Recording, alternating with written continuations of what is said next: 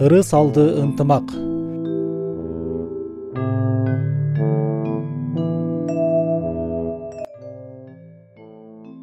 Качандыр бир акылман карыя болуп анын тогуз уулу бар экен.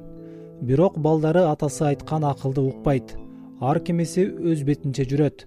Ага сырт кишилер баары күлөт. Чоңу кичинесин сабайт. Кичинеси чоңуна акырая карайт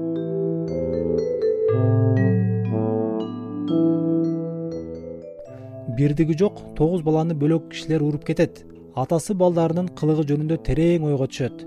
Эч айла болбогон соң чал өзү тоого барды да үйүнө чоң тутам тобулгуну көтөрүп келип балдарын чогултуп алды. Кана балдарым күчүңөрдү сынап көрөйүн.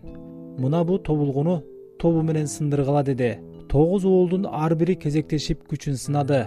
Бооланган тобулгуну эч кимиси сындыра албай акыры шалдайып отуруп калышты карыя тобулгунун боосун чечип эми бирден сындырып көргүлө деди.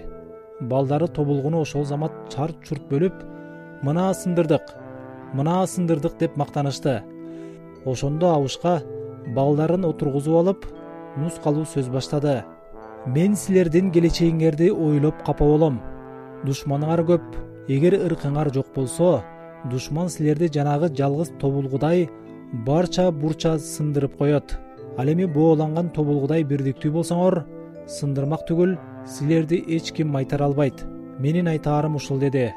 Көп узабай абышка оо дүйнө салды.